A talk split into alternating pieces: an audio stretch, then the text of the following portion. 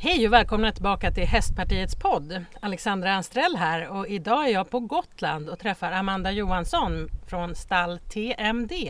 Hej, tack för att jag får komma hit. Tack själv för att du vill vara här. Hur du, TMD, vad står det för? Det är en förkortning eh, för Truly Madly Deeply som, eh, som låten. Ja. Eh, det har varit min och min fästmans sån där kärlekslåt ända sedan vi träffades. Eh, och det står i våra förlovningsringar. Och då när vi skulle döpa företaget så kände vi att det var lite så vi är som personer och så som vi tänker. Vi gör saker väldigt helhjärtat men lite, lite galet också. Gud vad härligt! Ja, men du jobbar med hästavel bland annat. Ja. Men berätta lite, vem är du? Jag är eh, 32 år och jag är från Stockholm. Eh, uppvuxen i förorten, inte alls i någon eh, hästfamilj överhuvudtaget. Nej. Eh, men kom väl på ganska tidigt att det var det jag ville hålla på med. Eh, och sen har jag ridit i ja, största delen av mitt liv. Började som, som 9-10-åring och sen har det bara fortsatt så. Eh, och avel var liksom självklart för mig redan som barn att det var det jag skulle hålla på med. Mm. Varför det?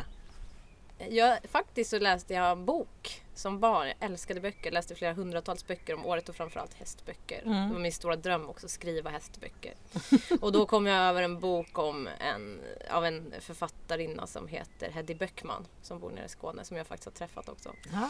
Eh, Sandra och Vildros, böckerna om Sandra och Vildros. Och Sandras mamma jobbar som hästuppfödare. Och allt det som beskrevs i de här böckerna eh, de här sena nätterna och tidiga morgnarna och att vara med om det här häftiga att ta fram ett föl. Liksom. Eh, det fastnade för mig redan som, ja, men som 9-10-åring. Eh, att det här, självklart så ska jag hålla på med det här.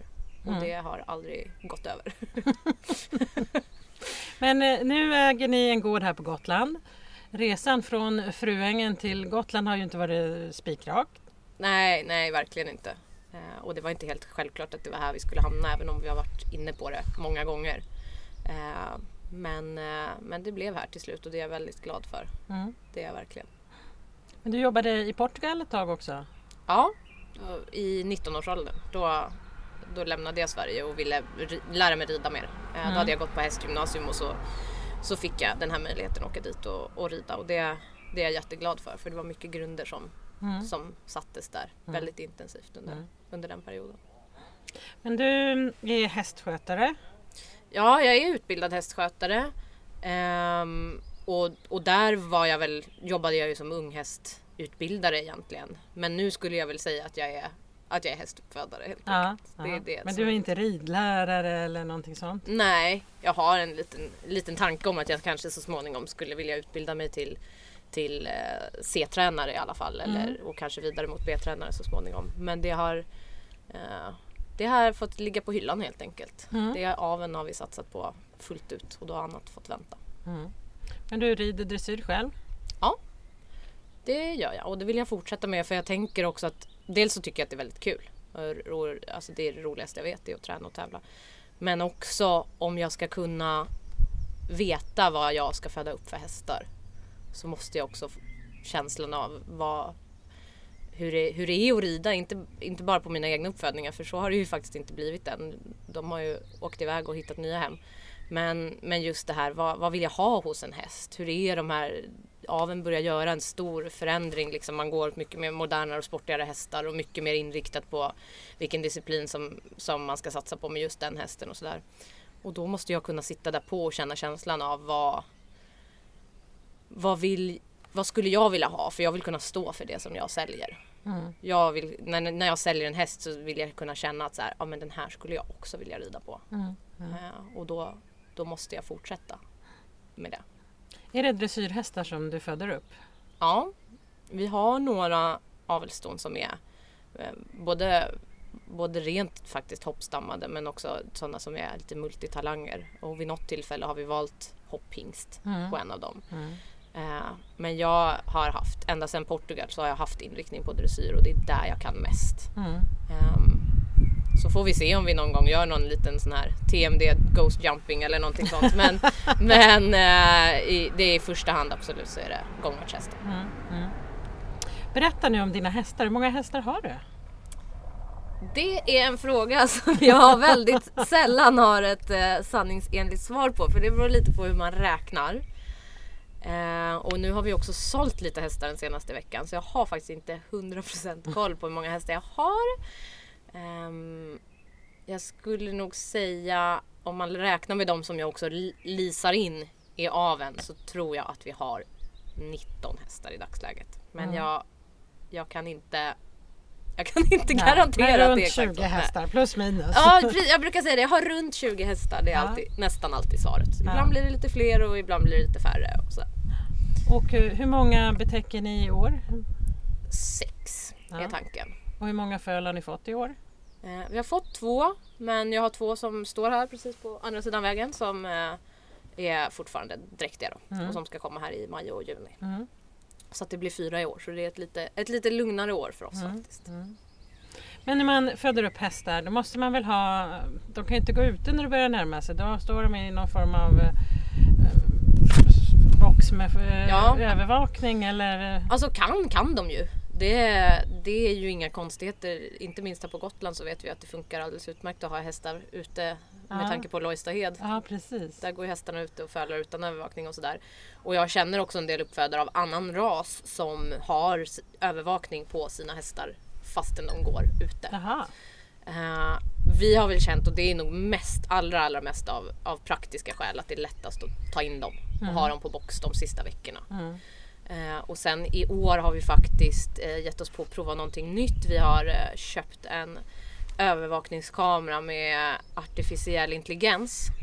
Och den måste övervaka, alltså lära känna just det stået i en månad ungefär för att kunna larma eh, rätt Mm. när det är dags för fällning. Så att då har vi haft dem inne i en, en månad innan beräknad datum. Då.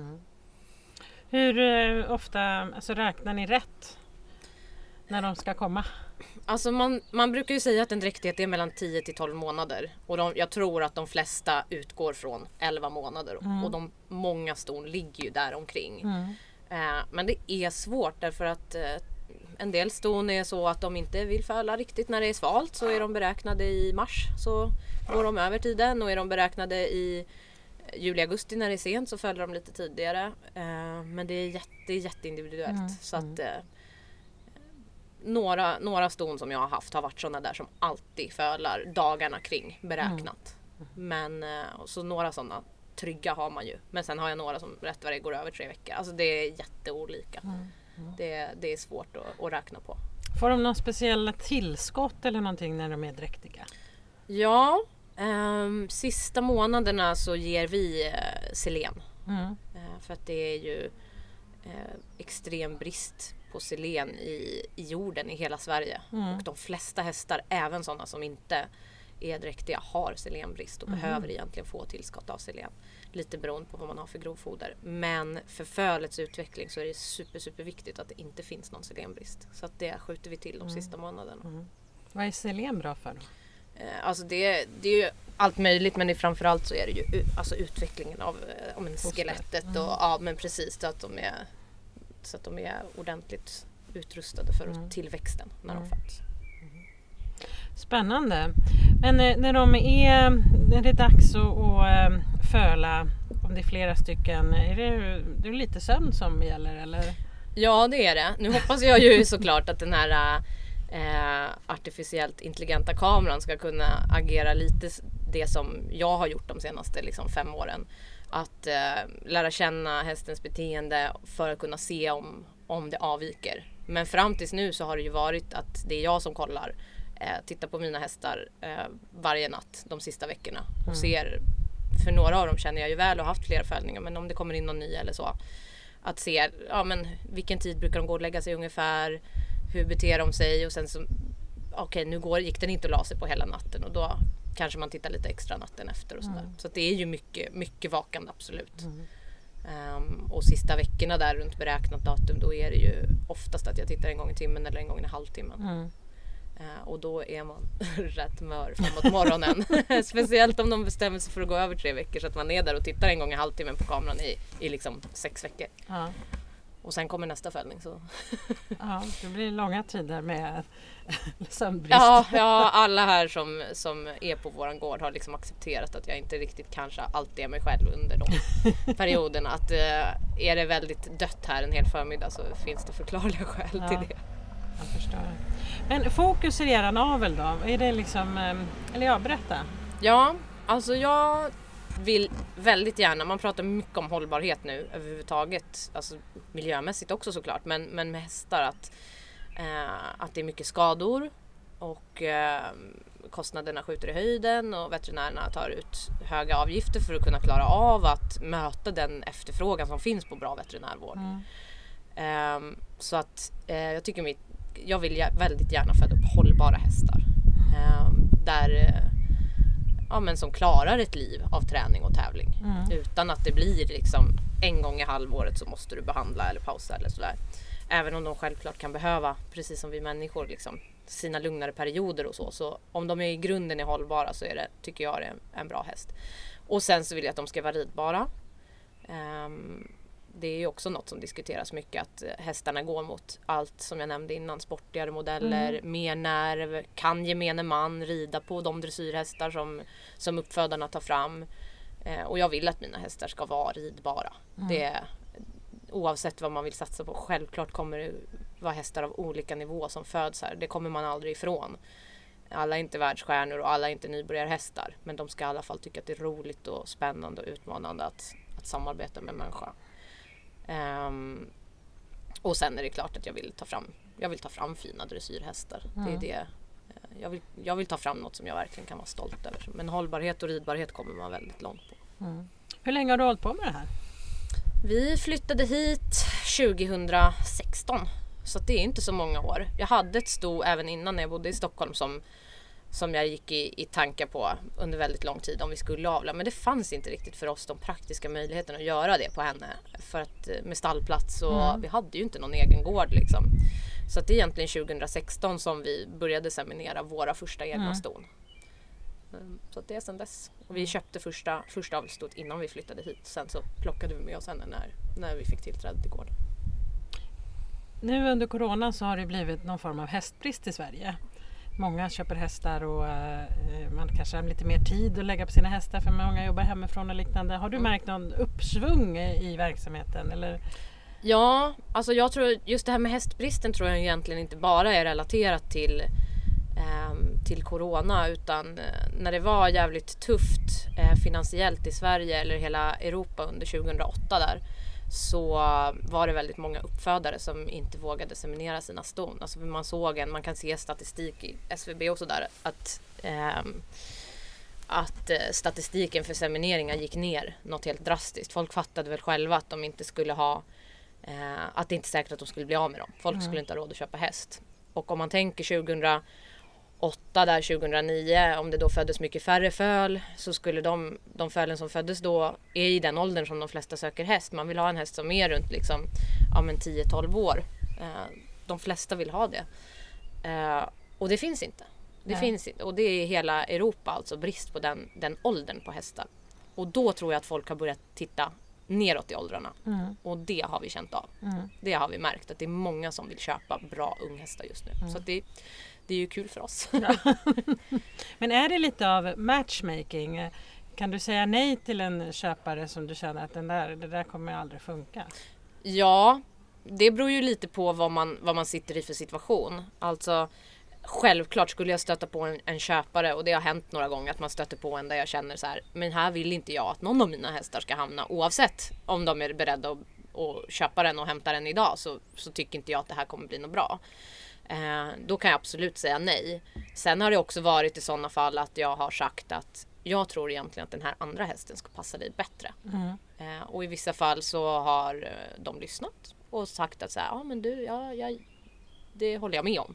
Och i vissa fall så har det varit att de har fastnat för en speciell häst och då så länge det är ett bra hem och hästen kommer må bra där eh, så, så får de köpa den ändå. Och så får den utmaningen ligga hos dem istället. Att det kanske inte var den allra allra bästa matchen.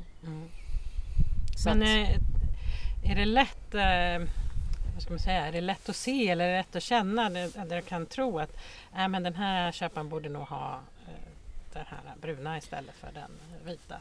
Ibland är det jättelätt. Um, och jag har ju sålt hästar både med folk. Jag tycker det är lättare, egentligen allra lättast det är ju när folk kommer hit och man får träffa dem, man går runt, de träffar hästar, man ser när, när det börjar tindra i ögonen när de får syn på en till exempel att jäklar det där var det där är den personens häst. Eller mm. man, hör, och man också hör om det. En del köpare har vi haft kontakt med i månader och de har berättat vad de, vad de drömmer om och vad de tänker sig och, och vad de vill ha hos en häst. Och då känner ju vi våra hästar ganska bra. Vi känner deras föräldrar, eh, eller i alla fall mammorna, ibland även papporna. Um, och vi känner ju fölen. De är sig lika. Det, det är precis som människobarn. De, när de föds då då är man, de är sig lika från att mm. de är bebisar till mm. att de blir stora. Man känner igen personlighetsdragen även om de såklart utvecklas som individer. Eh, ibland är det jättesvårt. För att någon kanske säger så här, men vad, vad tror du att jag ska ha? Och då måste man ju försöka ta reda på vad, ja. vad är det egentligen de vill ha? Och ibland vill de kanske ha någonting som jag kan känna att så här, ja, men kommer du klara av det? Ja. Så. Men för det mesta är det, är det lätt. Och i vissa fall är det superlätt. En, det kan vara köpare som inte ens kommer hit men som de vet precis vad de vill ha. Mm. Både stammässigt och utseendemässigt och liksom Ja men det där, de vill bara se på lite video att liksom allting matchar och när de berättar om det de, det de kan och det de gör och det de planerar med hästen så, så funkar det liksom. Mm. Och då är det super, superlätt. Så det är jätteolika. Mm. Spännande. Men ni, om jag har förstått det rätt nu när vi var runt och tittade på hästarna så heter ju alla hästar efter någon form av eh, musik eller olika låtar eller? Ja, vi var, stod ju där och funderade då 20, inför 2017 när första liksom, gruppen eller kullen skulle födas. Och då har vi båda rört oss ganska mycket i hundvärlden. Mm. Och där är det många som går på bokstäver. Ja. Eh, att vi ville ha så, vi förstod ju ganska tidigt att vi ville satsa på det här jag ska inte säga jättestort för att jag tycker inte våran uppfödning är superstor. Men, men att vi ändå ville ha några fölungar varje år. Mm. Och att eh, istället för att, hamna, att man skulle kunna hamna i det att man faktiskt, ser man någon av hästarnas namn så ska man kunna veta vilket år den är född. Okay. Och så gör man ju till exempel i Portugal också. Mm. Där är alla hästar i hela Portugal som föds ett år döps på en bokstav. Så att alla ska kunna veta mm. eh, vilken, vilket år de är född. Mm. Så när jag var där nere till exempel så var alla treåringar började på Z. Så att, mhm. eh, så. Oavsett vilket stall de kommer ifrån. Och då ville vi liksom anamma det lite grann. Eh, så då bestämde vi att vi skulle döpa Fölungarna, att det skulle ha någonting med bokstaven A att göra. Och sen var vi först inne på om vi skulle ta låtar på bokstaven A men sen bestämde vi att nej men vi tar varje år en artist. Mm. På A och sen B och C och så vidare då. Och så får Fölungarna heta eh, namn på deras låtar. Okay. Så att säger någon att den har eh, TMDs eh, eh, Run the World till exempel. Då vet jag att det är Beyoncé. Mm. Och B-året var 2018. Så att mm. då har vi dem där. Fränt! Mm. Det är roligt för varje år så får, kan folk säga sina favoritlåtar. Alltså det engagerar folk. Mm. Eh, och vi har faktiskt en som, som går här ute som är såld nu som, eh, som eh, våra följare på Facebook fick vara med och, och dappa. Mm. Mm. Du är väldigt duktig på sociala medier har jag sett. Uh, ja men jag försöker. Jag ja. tycker att det är uh, det moderna sättet att nu, nå ut till folk. Mm. Uh, både folk som kanske i framtiden vill köpa häst av oss men också folk som faktiskt är engagerade och tycker att det vi gör är roligt och spännande och inspirerande. Så, så ska det liksom Alltså, vi har en hemsida också men det är ett sätt att känna sig mycket mer delaktig. Mm. Mm. Det är när man, när man ser på sociala medier. Eh, men gränsen har än så länge gått vid, vid Instagram. Sen är jag väl för gammal än för att börja med de här TikTok och alla de här olika grejerna. Men det, på Instagram och Facebook så är vi, mm. är vi aktiva. Mm. Fränt. Och då heter ni på Facebook och Instagram? Stall-TMD. Stall-TMD. På båda. Mm. Häftigt. Men jag tänker, du ju, när du startade företaget, var det svårt? Eller så hur många hästar hade du då? Jag fick information ifrån eh, en eh, kompis i Skåne som sa att det var jättesvårt att börja en hästavel för att då ville inte Skatteverket säga att man var ja. ett bolag. Nej, vi hamnade i det där också. Vi hade, innan vi flyttade hit, så vi var, eh, jag i alla fall var egenföretagare redan då, vi hade ett handelsbolag men vi bestämde när vi skulle starta av att nej, men vi måste ha ett eh, vi måste ha ett aktiebolag och så startade vi det och vi hade ett sto som vi ägde och vi hade ett sto som vi då skulle lisa in för minst, minst en säsong då.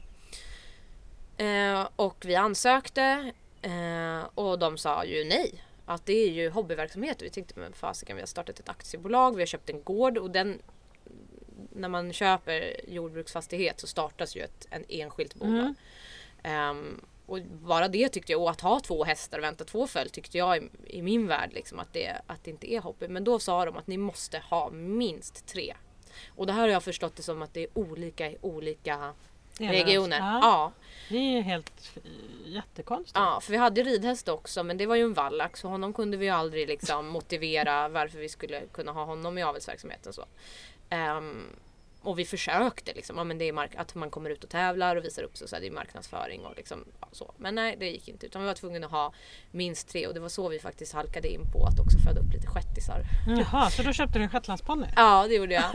eh, två faktiskt. För att jag, alltså just som det var då, vi hade inte, vi hade köpt den här gården, vi hade investerat i vårt första avelsto, vi hade tagit det här leasingen, det var ju bland annat då för att liksom vi, vi kände inte att vi hade råd att köpa ett mm. till eh, under 2000 16. Sen under 2017 så, så köpte vi ett gäng till halvblod. Men då köpte jag faktiskt två stycken shettisar varav den ena var dräktig. Så att vi fick ett, ett shettisföl 2017 och sen så fick vi också två shettisföl då som vi skapade själva med hingst här på gården under 2017 som är födda 18. Mm. Så att, men sen när det var 2018 då hade vi så pass mycket halvblodshästar att, eh, att då behövde vi inte fortsätta med shettisaveln. Sen tycker jag den är kul men jag jag har liksom inte jag har inte förmågan att nörda ner mig så mycket på två olika raser. Nej. Alltså det är tillräckligt att bara nörda ner sig i en disciplin inom halvblodsaveln och jag kände att så här, jag kan inte göra det här fullt ut, då vill jag inte göra det. Men, men vi har vårt stamnamn i Ponnyavelsförbundet så, där, så att jag tänker att eh, kanske inte just shettis men vi kommer föda upp ponny igen mm. Mm. en vacker dag. Så. Men nu får det bli nörda, nörda på dressyren istället. Mm. Ja, så att man ska kunna starta hästavel lättare så borde det vara enhetliga regler hos Skatteverket egentligen i alla ja. regioner. Ja, och det ser man mycket på forumen att någon säger sådär, har liksom en häst och kanske föder upp ett föl vartannat år och får igenom det och kan dra moms och alltihopa.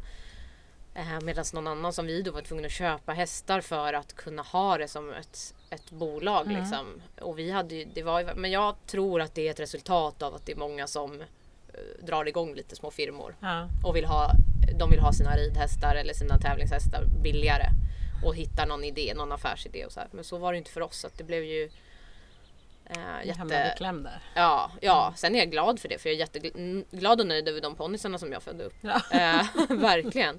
Men, eh, men det var svårt. Mm. Eh, det var det. Och just när det också är olika. Ser olika ut för alla beroende på vart man bor. Mm. Och vilken handläggare man får. Ja. Tydligen. Okay. Det ska inte vara enkelt här i världen. Nej, verkligen inte. verkligen inte.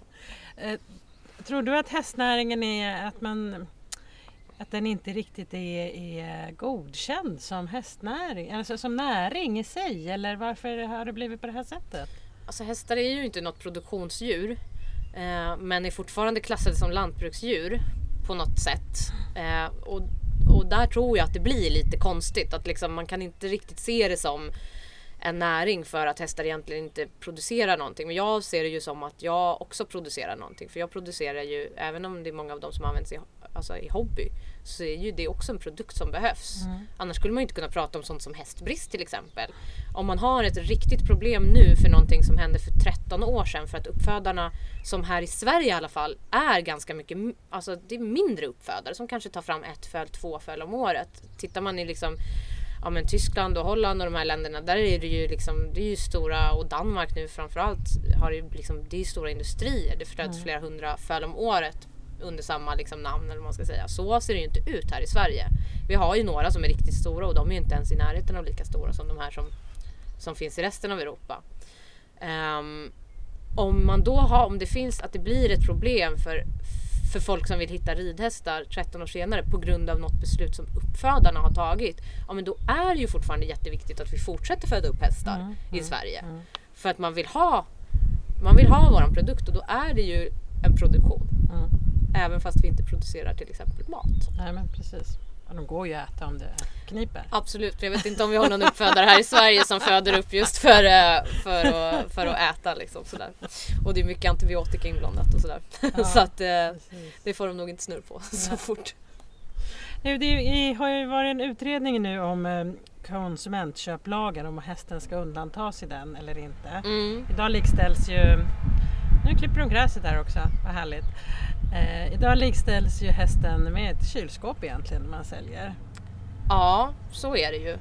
Har det, det varit något problem för dig att det blir så lång reklamationstid när du som företag säljer till en privatperson? Nej, det har inte drabbat mig personligen. Eh, och där har jag väl egentligen, alltså, där pratar man ju också mycket hållbarhet. Alltså säljer man en hållbar produkt så slipper man ju förhoppningsvis hamna i det, mm. den situationen att, mm. att det är ett, finns något dolt fel som gör att man måste ta tillbaka sin, sin häst och köpa tillbaka och stå för massa kostnader. Sen får jag ju också eh, känna att jag är otroligt tacksam gentemot mina köpare. De älskar sina individer eh, och jag kan inte se att någon av dem skulle eh, vilja lämna tillbaka den faktiskt. De är, de är verkligen, de älskar sina hästar. Eh, jag tror att det problemet framförallt har drabbat mycket av sådana som importerar hästar och säljer. Mm. Eh, men det kan ju drabba oss. Man kan ju faktiskt sälja en häst som det visar sig vara ett dolt fel på. Det kan ha gått fyra och ett halvt år, nästan fem. Och eh, vi är fortfarande förpliktigade att köpa tillbaka den om det visar sig vara någonting som, mm. som eh, köparen tycker är mm. ett dolt fel. Och då är det, ligger det upp till oss och försöka bevisa att det inte är det, vilket är jättesvårt om man inte haft hästen på fyra och ett halvt år. Mm, mm. Så det är klart att det är en väldigt konstig, det är en väldigt konstig, eh, en väldigt konstig lag för att det någonstans så är det ju också så här att om jag köper en bil och sen så behandlar jag den bilen jävligt dåligt, eh, då kommer det aldrig kunna hävdas vara ett dolt fel eller ett kylskåp Nej. eller vad som helst sådär. Men med hästar så kan du ju faktiskt köpa en häst och så kan du vara, rida den jävligt illa och på, fortfarande få igenom att det skulle vara den som sålde hästens fel. Mm. Um, och där är vi ju som för, vi som säljer som företagare jättemycket mer utsatta för att det är så mycket längre tid mm. som de kan hävda det här. Det hinner hända otroligt mycket i en hästs liv. Om vi säljer den när den är ett år så hinner det hända otroligt mycket ridmässigt som inte vi kan inverka på under de fem åren. Mm. Så att det är ju en jätte, jättemärklig grej faktiskt. Mm, mm. Eh. Ja, vi moderater har ju försökt driva igenom och påverka regeringen nu. Vi väntar ju på att se vad regeringen kommer med förslag på hur det ska bli. Mm. Utredningen eh, landade ju i att jo, det var ju ett problem, problem med att ha hästen så här men förordade ändå att den skulle vara kvar i konsumentköplagen. Mm. Vilket vi tycker är jättekonstigt för att det är som du säger, det är ju ett levande djur. Det kan hända vad som helst. Den kan ju gå en kull i hagen eller ja. man rider in den fel eller dåligt och, och så vidare. Så att, ja, vi får väl se vart vi landar där.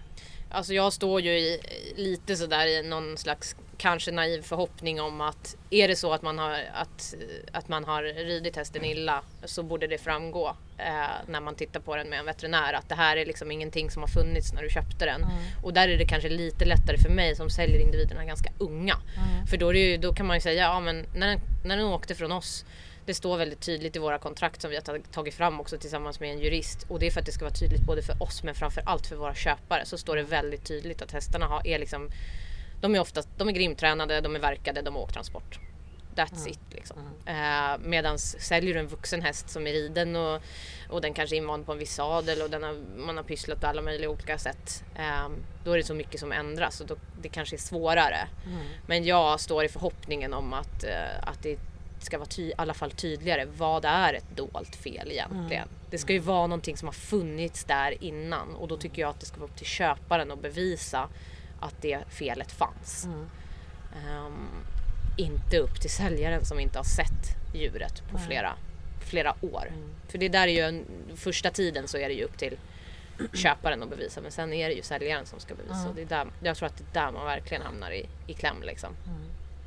Så att uh, uh, jag vet att en del sådana hästförsäljare har hamnat i, i riktiga, ja men faktiskt fått lägga ner sina verksamheter för att det är många som som lyckas få igenom dolt fel när det kanske är att de faktiskt inte klarade av hästen. Nej, så, att, eh, så att det är ju ett problem. Men det är en, en hur ska de säljas då? Alltså det är ju också en svår grej. Mm, mm. Vilken lag ska de gå under? För någonting måste det ju finnas. Jo, det måste ju finnas ett konsumentskydd och det måste ju också finnas eh, tänker jag, det måste ju vara viktigt att det blir så bra som möjligt för hästarna. För hamnar hästarna i en tvist så vet man ju inte riktigt hur, hur bra mår hästen då under tiden köpare och säljare tvistar. Ja, och det är ju så här hästar som har stått på liksom, och bara gjort ingenting i tre år. Medans, alltså, och det blir ju också knäppt. Mm. Det blir inte heller bra för hästen. Så att, men man får ju vara noggrann när man hittar sina köpare. Sen är vi väldigt tydliga i våra kontrakt. Allting mm. finns med om hästen har haft liksom en sårskada när den var ett år och vi säljer den som treåring så står det fortfarande Mm. i vårt kontrakt. Mm. Och det är för att de ska veta allting. Vi vill ha öppna kort. Vi skäms inte för att säga att hästar skadar sig ibland för så Mm. är det. Ja, visst. Eh, De är som barn. ja, jag drar öronen åt mig när någon säger så här. Ja, den är 12 år och har aldrig haft en skada i sitt liv. Då tänker jag så här. Du ljuger. Mm. För att det är, alltså alla hästar drar på sig någonting någon gång. Eh, Så att vi skriver allting eh, och våra köpare är superduktiga på att höra av sig om det är någonting som uppstår med deras hästar och höra bara för att rådgöra liksom. Mm. Vi har en jättebra relation och det, Mm. det tycker jag är viktigt. Eh, Men så är det ju inte för alla. Nej. Ja, det finns ju en hel del saker man kan förbättra inom hästnäringen. Tänker om du skulle vara idrottsminister för en dag, vad skulle du bestämma för att förbättra för hästnäringen i Sverige? Åh gud. Ja, det är svårt alltså. Eh, jag tycker ju att man i första hand ska, det har ju egentligen inte med min bransch att göra överhuvudtaget, men jag tycker att man behöver titta mycket på, på ridskolorna. Alltså det är där våra, jag är ju själv liksom i grunden ridskoletjej. Eh, även om jag nu har, har mitt eget och gör helt annat liksom, så är det där, det är där jag, mitt hästintresse liksom eh, föddes på något sätt. Ehm, och kunde fortsätta utvecklas. Och de har det jäkligt tufft alltså. Det är en svår, det går inte att jämföra med någon annan sport för att det är så mycket pengar som ska till för att en häst ska må bra. Um, och jag vet att det kommer en hel del bidrag men inte ens i närheten av så mycket som egentligen skulle behövas. Och det är ofta, jag har varit med om flera gånger när jag varit ridskoletjej att, att eh, ridsporten får stå tillbaka för stora hockeyanläggningar som byggs eller, eh, eller saker som ska utvecklas medans, medans eh, hästtjejerna får, får fortsätta liksom i gamla anläggningar som inte får rustas upp. Liksom. Och Som inte ens har toa och omklädningsrum. Nej men precis. Men det, och det är tuffa personer som, som rider på, på ridskola och det är jättemycket tjejer och man har gjort forskningar på att tjejer som uppfostras på ridskola blir bra chefer i framtiden och sånt där och då, det tycker jag är sånt som man ska se. Mm. Ehm, men också att eh, det behöver liksom komma mer pengar in i sporten som inte bara kan vara från föräldrar som betalar. Mm. För att det finns också föräldrar som faktiskt inte har råd att betala för att deras barn ska kunna rida. Och i de andra sporterna så finns det väldigt mycket olika projekt som, som hjälper barn i, i idrotts eh, fattiga områden till exempel, alltså där, där, där man ser att liksom 90% av familjerna som bor här idrottar inte.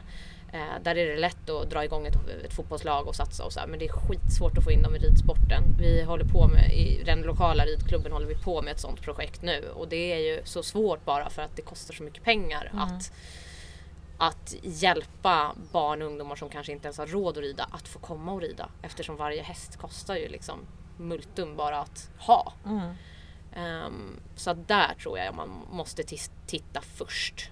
ehm, på ridskolorna. För det är också de som är framtiden för, för svensk ridsport. Det är ju de där tjejerna som är där och cyklar i regn och rusk till, till Mm. ridskolan för att bara få borsta en häst. Liksom. Så att där, de skulle behöva mer hjälp.